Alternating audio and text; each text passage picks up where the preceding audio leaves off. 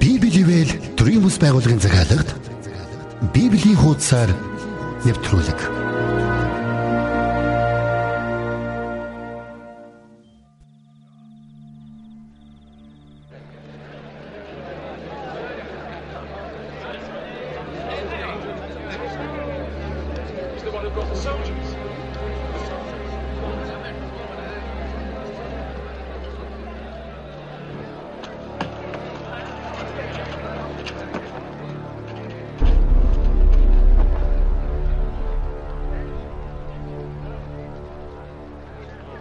Ирхэм сонсогч танд энэ өдрийн мэд хөргий. Өдөр бүр бидэнд өөрийн гайхамшигтэ үгнээс ойлгуулж, мэдүүлж байдаг.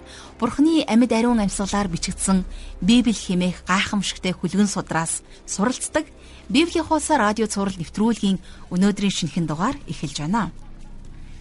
Тэгэхээр өнгөрсөн дугаарт бид хэл ярих үе, иш үзүүлэх мөн хэл ярих үг тайлбарлах гэсэн гурван бэлэг авиасын талаар нэлээд гүнзгий судалсан. Илч Паул биднийг Бурхны үлэм жахуу билгүүдийг хүсэн тэмүүлхийг уриалан ятгсан шүү дээ.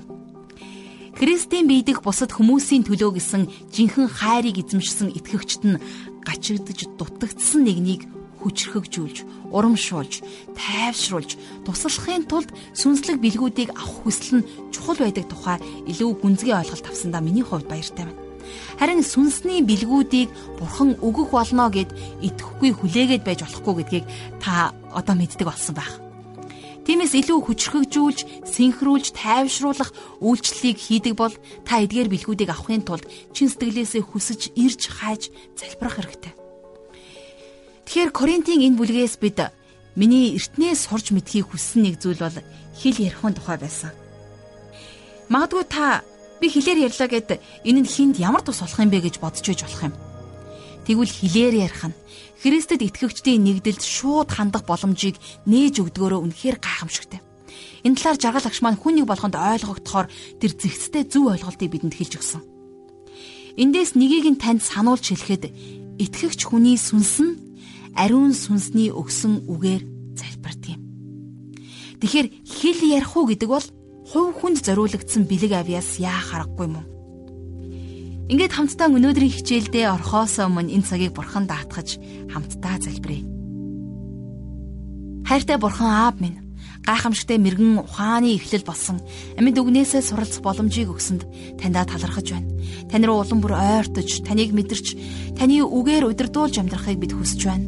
Эзэн минь ээ Таны үгнээс суралцж байхад та биднийг босгон байгуулж, та биднийг хүчрхэгжүүлж өгөөрэй. Таны үгийг амьдралдаа хэрэгжүүлэн амьдрахад та ариун сүнснийхэн оршихуугаар бидэнтэй хамт байгаарай. Их эзэн минь ээ, хүнийг болгоны зүрх сэтгэлийг та энэхүү радио хичээлээр дамжуулан зөөлөж, зөв зам руу алхаж гიშгэгтэн та туслаарай. Хүсэл тань тэнгэрчгээ энэ газарт биелээ олох болтугай. Бүхнийг таны хүүгийн моторт, таны хүүгийн нэрээр өргөн залбирч байна. Амен. Ингээд хамтдаа жаргал агшиг хичээлд анхаарлаа хандуулцгаая.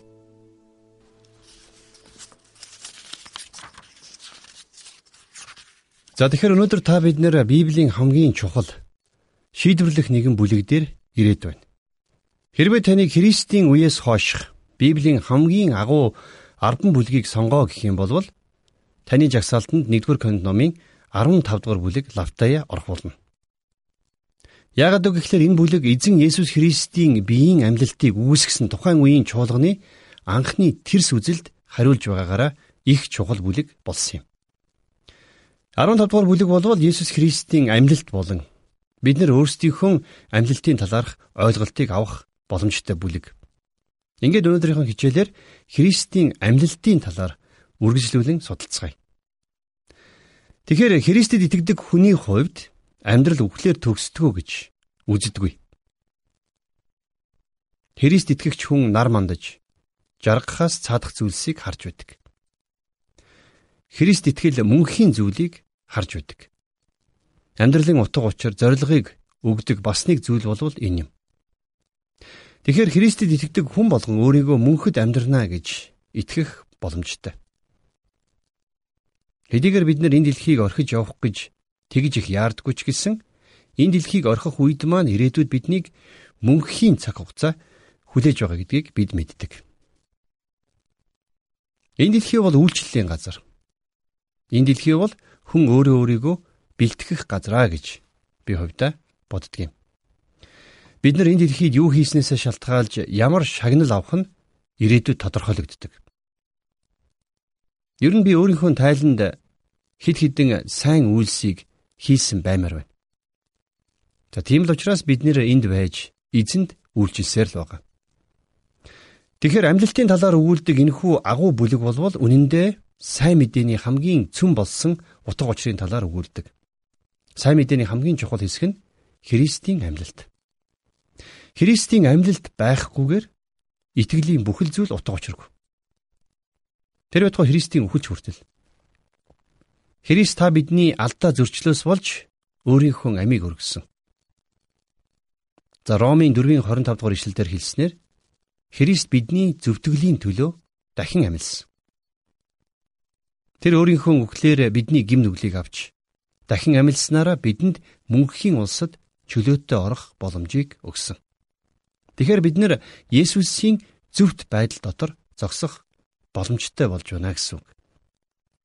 Есүс бидний алдаа зөрчлөөс болж өөрийнхөө амийг өгсөн. Гэхдээ тэр бас бидний зөвтгөлийн төлөө амьдсан.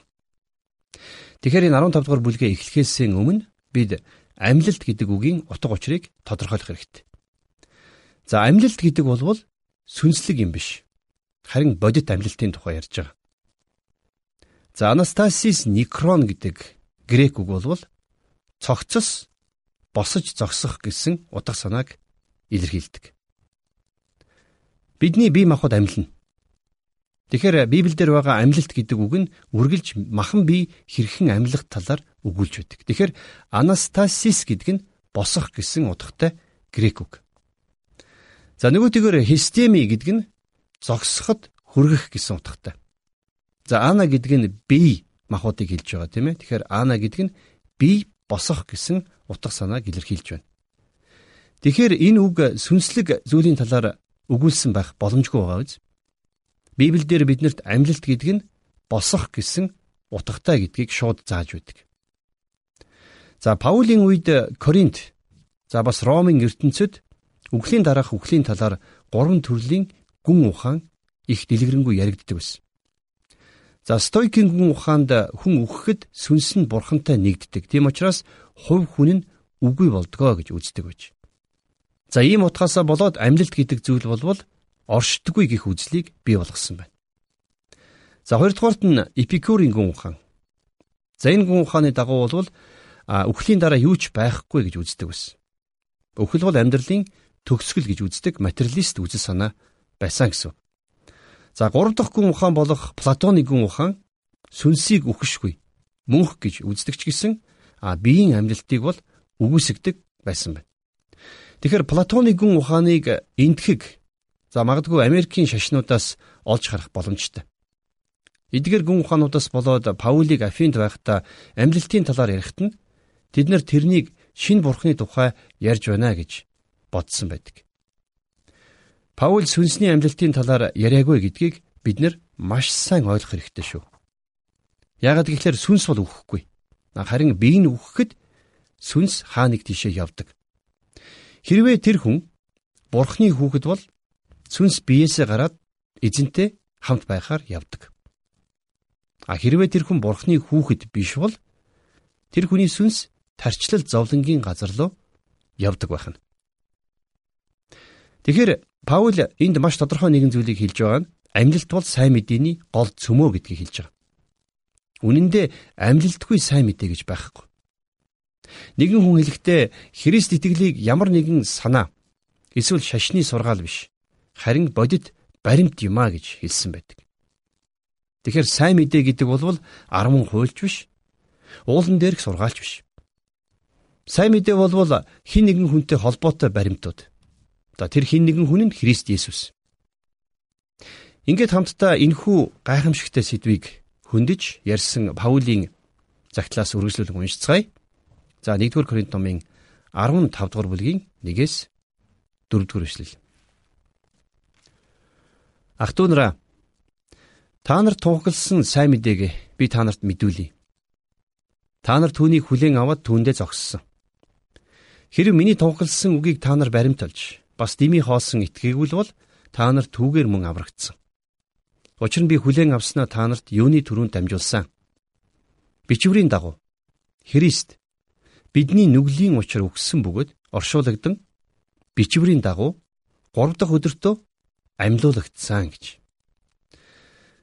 За сайн мэдээ Паулаас ихтэй юу гэсэн асуулт заримдаа гардаг л да. Харин Паул өөрөө энд хэлж байна тийм ээ. Би хүлээн авснаа та нарт дамжуулж байна гэж хэлсэн. За тэгэхээр Паул энэхүү сайн мэдээг хинээс хүлээн авсан байж болох вэ?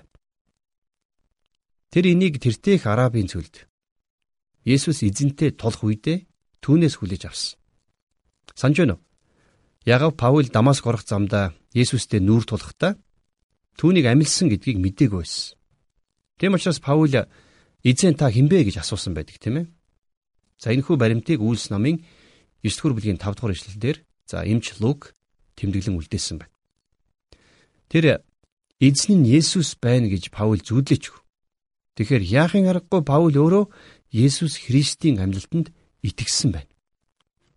Тэр энийг өөрөө бодож олоогүй. Харин энэхүү сайн мэдээг тэр Есүсээс өөрөө хүлээж авсан. Сонсогч танд Библийн боловсрол олгох Библийн хуудасаар радио хичээл хурж байна.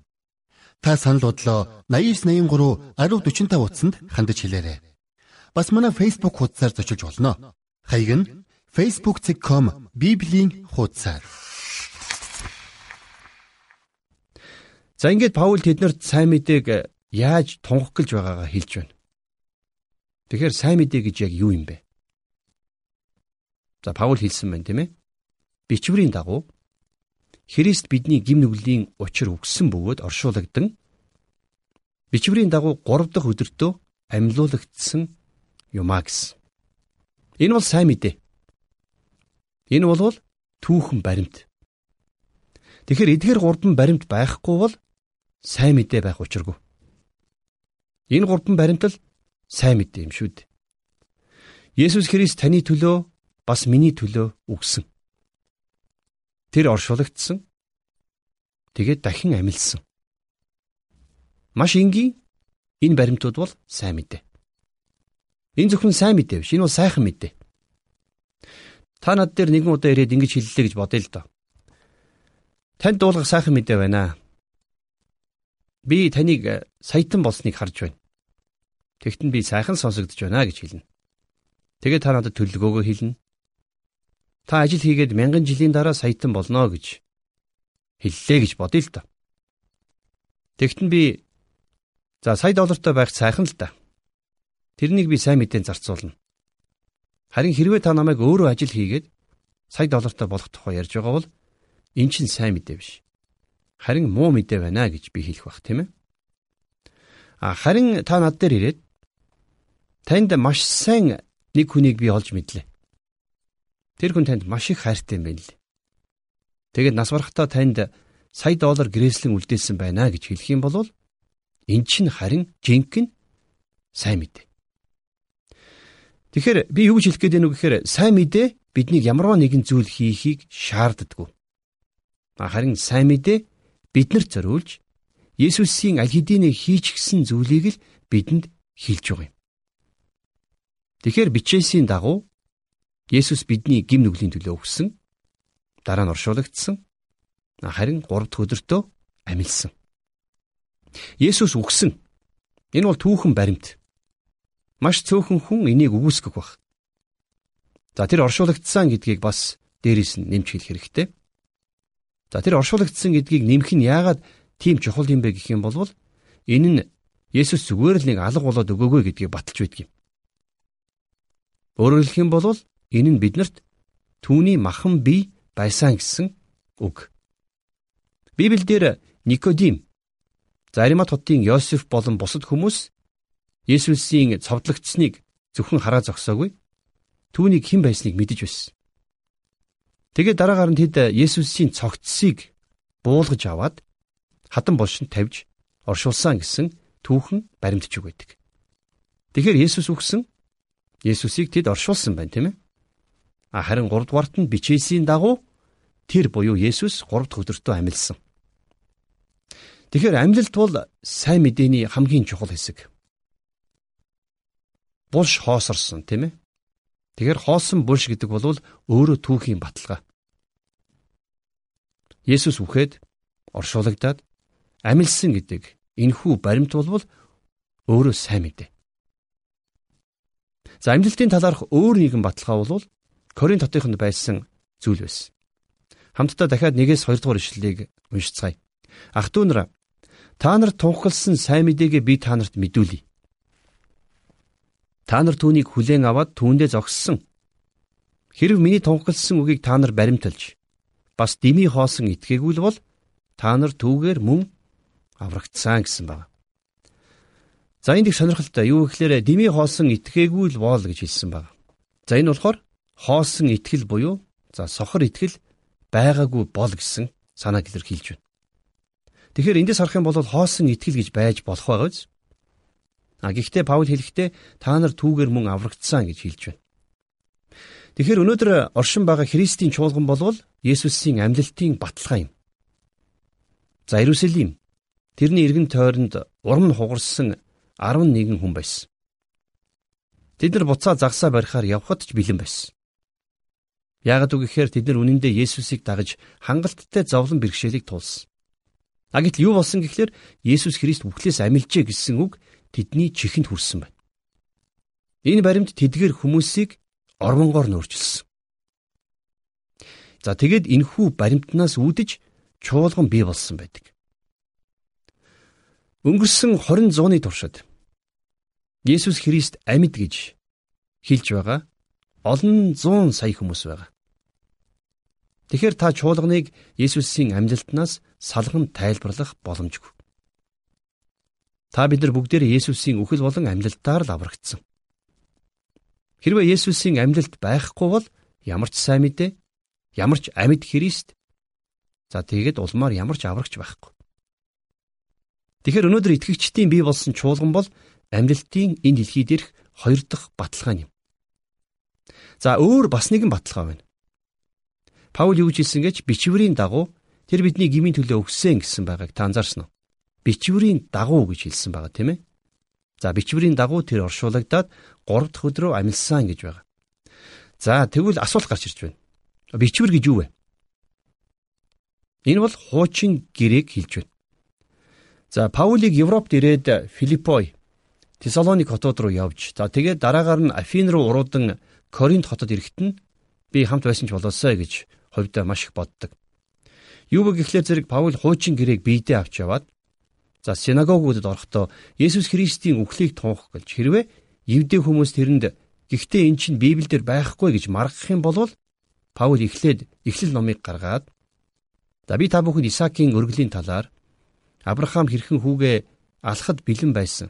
За тэрхүү үйл явдлаар нь дамжуулан бурхан тэрнийг хүлээн авсныг нь сануулмаар байна.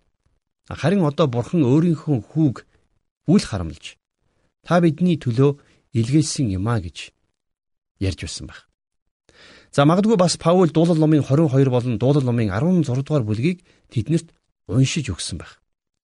Дээрэс нь Исаигийн 25, Исаигийн 53 дугаар бүлгээс уншиж Бидний гим нүглүүдээс болоод Есүс шархтан бидний нүгэл хилэнцээс болж тэр бяцарч бид бүгдээрээ хонь мэд төөрж бүгд өөр өөрийн замаар явсан боловч эзэн бүгдийн нь хилэнцгийг түүнд тогсныг онцолж уншсан баг. Тиймээс тэр хуучин гэрээний номноос Есүс Христ үхээд амилсан гэдгийг харуулж чаддаг байсан. Хуучин гэрээн дээр зөвхөн энэ амьдралын талаар өгүүлдэггүй бас эрх амьдралын талаарч өгүүлсэн байна. Ирээдүйн талаар өгүүлдэг шашинд зарим хүмүүс итгэдэг. Яагад үгэвэл хүмүүс ихэнхчлэн одоо байгаа зөвлөлд итгэдэг. Надад яг одоо гүгүүлдэг за бас ирээдүйн талаар өгүүлдэг шашин хоёулаа байгаа гэж. За амжилтын өөр нэгэн баталгаа бол Паулийн хэлсэн гэрчнэр байсан. За ямар нэгэн үйл явдлыг хажууд нь хараа зогсож байсан тэр гэрчнэрийн гэрчлэлээс бултах боломжгүй байдаг тийм ээ.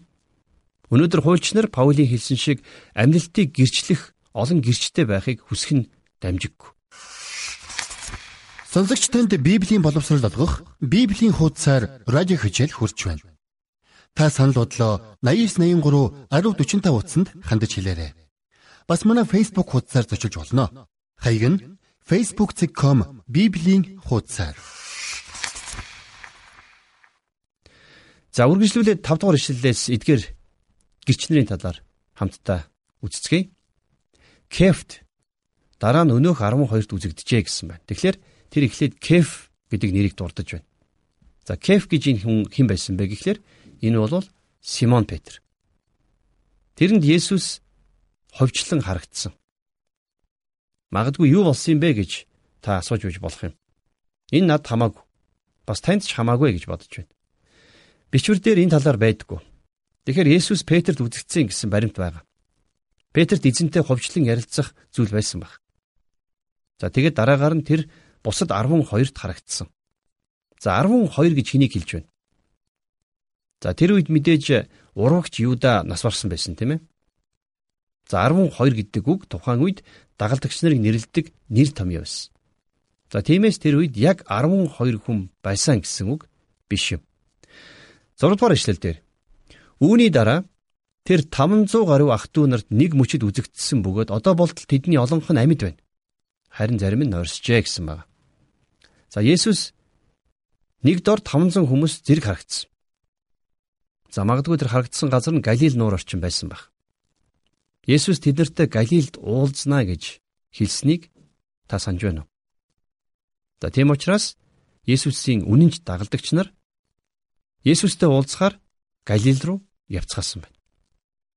Магадгүй тэдний Галил руу явж байхад хүмүүс тэднэрээс Есүс нас барчихсан болохоор та нар буцаад загасчлахаар явж байна уу гэж асуусан байх л. Харин хариуд нь тэд нар үгүй Есүс үхлээс амилсан. Бид нар одоо тэрнтэй уулзахаар явж байна гэж хариулсан баг. За үргэлжлүүлээ 7-оос 8 дугаар эшлэлдэр тэр дараа нь Яаковт тэгээд бүх элч нарт үзэгдсэн. Бүгдийн эцэст дутуу төрсөн мэт надад ч тэр бас үзэгдсэн билээ. За энэ Яаковт үзэгдсэн гэсэн хэсгийг бол бид нэр ховжилсан уулзалт байсан байхаа гэж ойлгож болно. Дараагаар нь тэр Есүс дахин элч нарт үзэгдсэн. За эцэст нь Паултай уулзсан. Тэгэхээр Есүсийг харсан хүнтэй маргах хэцүү. Тийм биз? За үргэлжлүүлээд 9-оос 10 дугаар ишлэлийг уншийе. Учир нь би элч нараас хамгийн өчүүхэн нь бөгөөд Бурхны чуулганыг хавчиж байсан тул элч гэж нэрлэгдэх зохисгүй хүн юм аа. Харин Бурхны нэгүүлслэр би одоогийн бий болсон. Түүний надад үзүүлсэн нэгүүлсэл хоосон байгаагүй. Харин ч би Тэд бүгдээс илүү зүдэж зүтгсэн юм. Гэхдээ би биш. Харин надтай хамт байдаг Бурхны нэгүүлсэл билээ гэсэн байна. За Паул өөрийгөө элч нарын хамгийн өчүүхэн гэж нэрлэж байна. Маш даруухан байгаа биз? А харин би бол дотроо Паул тавал их агуу. Би таныг элч нарын хамгийн өчүүхэн гэж бодохгүй байна гэж хэлчмээр. А гэхдээ л Паул Бурхны чуулганыг хавчиж байсан учраас өөрийгөө Илч гэсэн нэр зүүх зохисгүй гэж хэлж байна. Тэр ямар ч илч нараас илүү зүдэж зүтгсэн хүн байсан. Гэвч тэр энийгээ өөрийнхөө хүчин чадлаар биш харин Бурхны нэгүслэр хийсэн гэдгийгэ хүлээн зөвшөөрч байна. За 11-р ишлэл. Иймд би эсвэл тэд байсан эсэх нь хамаагүй.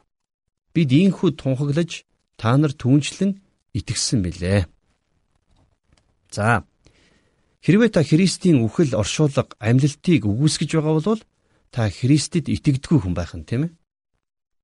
Хэрвээ та хүсэх юм бол Христийн үхэл оршуулга амьлалтыг үгүйсгэх бүрэн эрх танд байгаа. А гэхдээ та өөрийгөө Христэд итгэгч гэж нэрлэх эрх байхгүй гэсэн үг. За энд үгүйснээр Коринт хотынхны хувьд тэд нар эхлээд сайн мэдээг сонсоод итгэсэн. Тэгээд бид нэр Христэд итгэгчд болсон. За дахиад асууя. Сайн мэдээ гэж юу вэ? Яг зөв.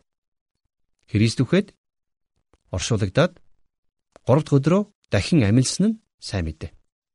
Тэгэхээр Есүс алга болоогүй. Тэр амилсан. Түүний булш өнөөдөр ч гэсэн хоосон хэвээрээ байна. Есүс Христ яагаад гэвэл өнөөдөр ч гэсэн амьд байна. Энэ бол түүхэн баримт. Тэгэхээр сайн мэдээ гэдэг бол ямар нэгэн шашны онол юм уу? Үзэл санаа юм уу? Гүн ухаан биш. Харин сайн мэдээ бол тодорхой түүхэн баримтууд дээр тулгуурласан байдаг. Паулийн тунхаглаж байсан зүйл бол сайн мэдээ. Паулийн тулж өнгөрүүлсэн зүйлс ч гэсэн хий хоосон зүйл биш. Энэ бол түүний амьдралын намтар за бодит баримт юм. Тэгэхээр 15 дугаар бүлгийн 1-р ишлэл биднэрт Коринт хотынхон сайн мэдээг хүлээн авсан гэдгийг хэлж байгаа бол 11-р ишлэлдэр тэд нар тэрэнд итгэсэн гэдгийг давхар хэлж байна. За тэгвэл дараачийн асуулт. Христийг хүлээн авах гэж чухам яг юу юм бэ гэж тийм ээ? За би энд Йоохны сайн мэдээ номноос нэгэн ишлэлийг иш татмаар байна. За Йоохны 1-р бүлгийн 11-ээс 13 дугаар ишлэл. Тэр өөрийнхэнд ирсэн боловч өөрийнх нь түүнийг эс хүлээн авчээ. Харин өөрийг хүлээн авсан болгонд өөрийнх нь нэрэнд итгэгчдэд тэрээр бурхны хүүхэд болох эрхийг өглөө. Тэд цусаар биш, махбодын хүслээрч биш, хүний хүслээрч биш харин бурхнаар төржээ гэж. Йоханыг тодорхой бичсэн байгаа биз?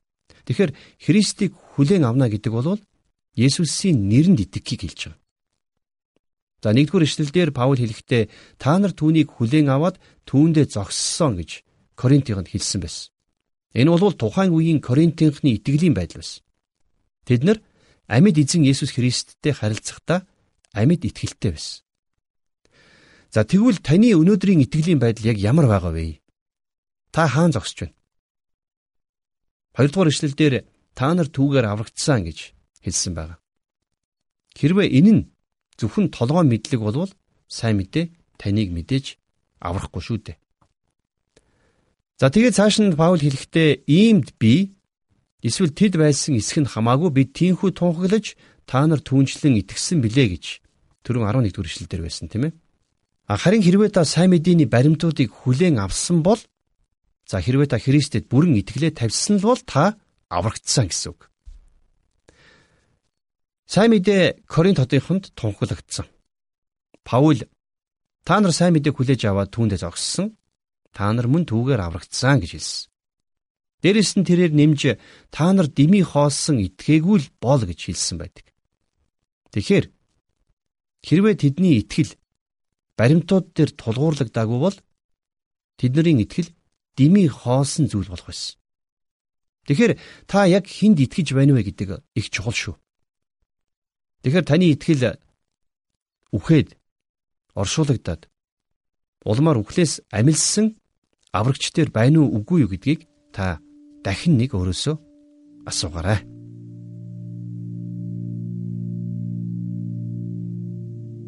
Тэгэхээр өнөөдрийн хичээлээр бид жаргал агшийн хэлсэнчлэн Библийн хамгийн чухал шийдвэрлэх бүлэг буюу Христийн амьлалтын талаар үзлээ. Энэ бүлгээс та Бурхны хүү бидний амь амьдралын төлөө модон загалмайд цовдлогдож ариун амиад золиослсон эзэн Есүс Христийн биеийн үгүйсгсэн үгүйсгэл болоод мөн тухайн үеийн чуулганы анхны тэрс үзлийн талаар маш дэлгэрэнгүй түүхийг сонсож мэдлээ. Тэгэхээр энэхүү хичээлийн гол зорилго нь Христийн амьлалт болоод бидний өөрсдийн амьлалт гэж жухам юу болохыг ойлгож ухаарах явдал эснийг та явцын дундаас түүний үг, түүний ариун сүнсний тусламжтайгаар ойлгож мэдсэн баг. Тэгэхээр бидэнд илэрхийлэгдсэн нэгэн гайхамшигт зүйл бол Христ гэж бидний амьдрал үхлээр дуустгүй маа гэсэн ойлголт юм. Энэ амьдрал бол бүх зүйл биш. Мөн түүнээс ч илүү алсыг харах хэрэгтэй гэдсэн тэр л онцгой илэрхийлэл юм. Мэдээж амьдралыг утга учиртай, зоригтой болгодог зүйл бол энэ гэдэгтээ та санал нэгдэж байгаа. Харин сайн мэдээний хамгийн чухал хэсэг бол Христийн амьлалт юм гэдгийг та өнөөдөр харлаа. Түүний үхэл хийгээд амьлалт байгаа болохоор л амьдралд утга учиртай байдаг.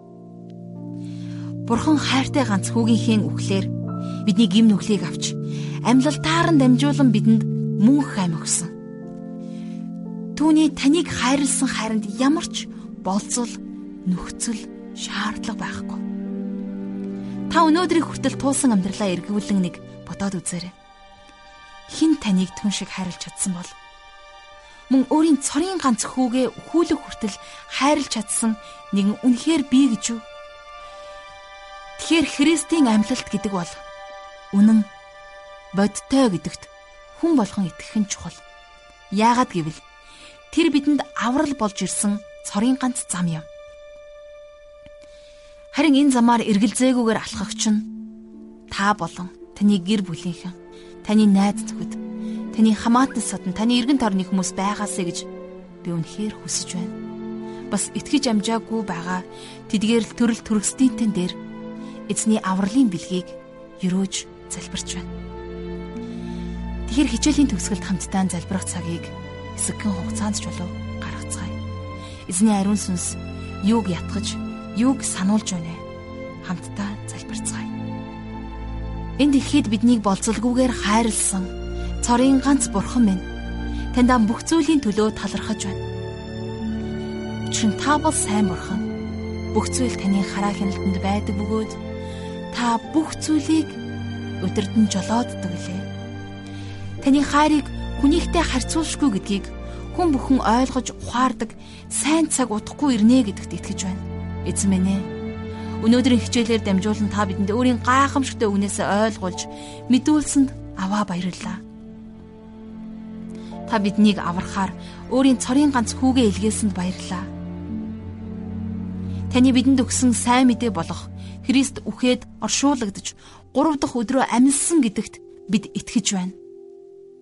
Тэгээд их эзэн минь бид санаа нэгтэйгээр залбирч байна. Бидний эргэн тойронд бидний хайртай хүмүүсийн зарим маань таныг хараахан хүлээн аваагүй байгаа бол танд итгэлээ хараахан өгөөгүй байгаа бол тэдгээр хүмүүсийн ам амьдрал дээр тунхаглаж байна. Эзэн Есүс Христийн ялгуулсан амьд эзний нэрээр тунхаглан залбирч байна. Авралын бэлгийг эзэн таны нэрд итгэж таны нэрийг магтах тэрэл итгэлийн ам амьдралыг тэдний зүрх сэтгэлд тэдний оюун бодолд тэдний сүнслэг ертөнцид тунхаглаж байна. Хэл бүхэн таныг магтан хүндэтгэж хөл бүхэн өвдөг бүхэн эзэн таныг бурхан химэн хүндэтгэж хүлээн зөвшөөрч өвдөг сүгдэх болтугай. Бүх зүйлийг таны мотор даатгаж Есүс Христийн нэрээр залбирanгуйж байна. Амен.